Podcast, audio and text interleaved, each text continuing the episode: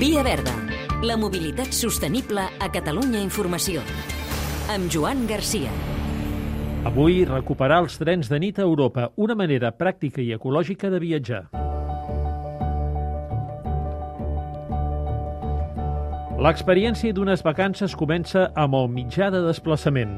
Bé, jo penso que hi ha primer una idea romàntica. Jaume això Fàbrega, president de la Cambra de Comerç de Girona. Al minut zero comença el viatge eh, i que recupera, per tant, tota una sèrie d'avantatges respecte de lo que és simplement traslladar-se d'un costat a l'altre per anar de vacances. Una manera de viatjar més respectuosa amb el medi ambient. Hi ha un moviment popular contrari a volar sempre que hi hagi mitjans alternatius, no? que és el cas, per exemple, dels escandinaus.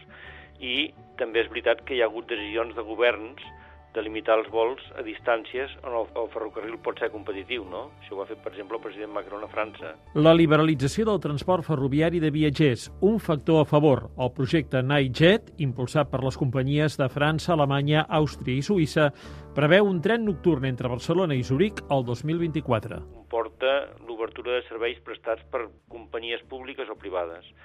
I concretament a Europa, doncs, eh, sobretot a Àustria, doncs hi ha hagut companyies públiques amb campanyes molt agressives oferint aquests viatges i en aquest sentit Girona eh, es troba, i Catalunya eh, es troba en una situació privilegiada, no? perquè és que amb, amb un viatge mm, que inclogui dormir des de qualsevol país centroeuropeu pots arribar, per exemple, a Girona. I això els fa especialment interessants. I una oportunitat pel turisme. Turísticament és que és una via d'entrada de turistes que pot ser molt important.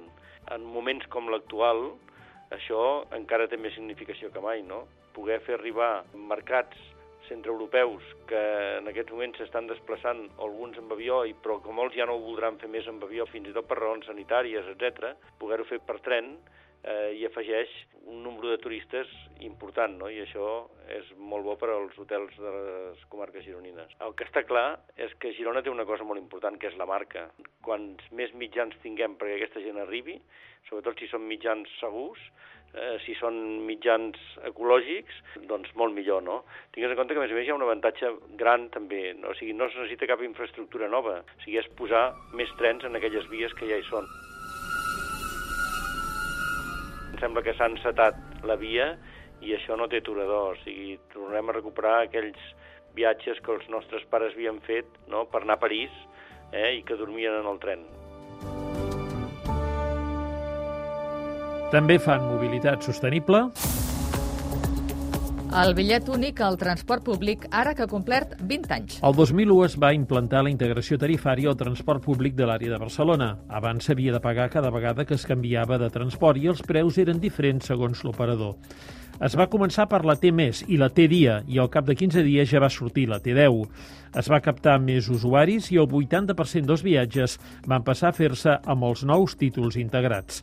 La pròxima revolució del sistema ha de ser la T-mobilitat, que permetrà calcular el preu de manera personalitzada en funció de la distància i la freqüència. Ferrocarrils de la Generalitat amb plaques solars a les estacions. En col·locarà les de Sant Andreu de la Barca, Sant Boi, Universitat Autònoma i Rubí per reduir el consum d'energia i l'emissió de gasos contaminants.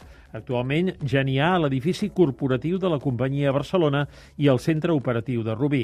Cada any generen més de 102.000 kWh i eviten l'emissió de més de 24.500 quilos de CO2. Air France KLM a través del seu programa Combustible Sostenible per a l'Aviació. I contribuiran els clients corporatius de la companyia. Ara fa 10 anys, totes dues aerolínies van ser les primeres a operar vols comercials amb combustible sostenible. Avui es pot fabricar a partir d'olis usats, productes de rebuig i residus forestals. Redueixen les emissions en més d'un 85% en comparació amb el combustible convencional.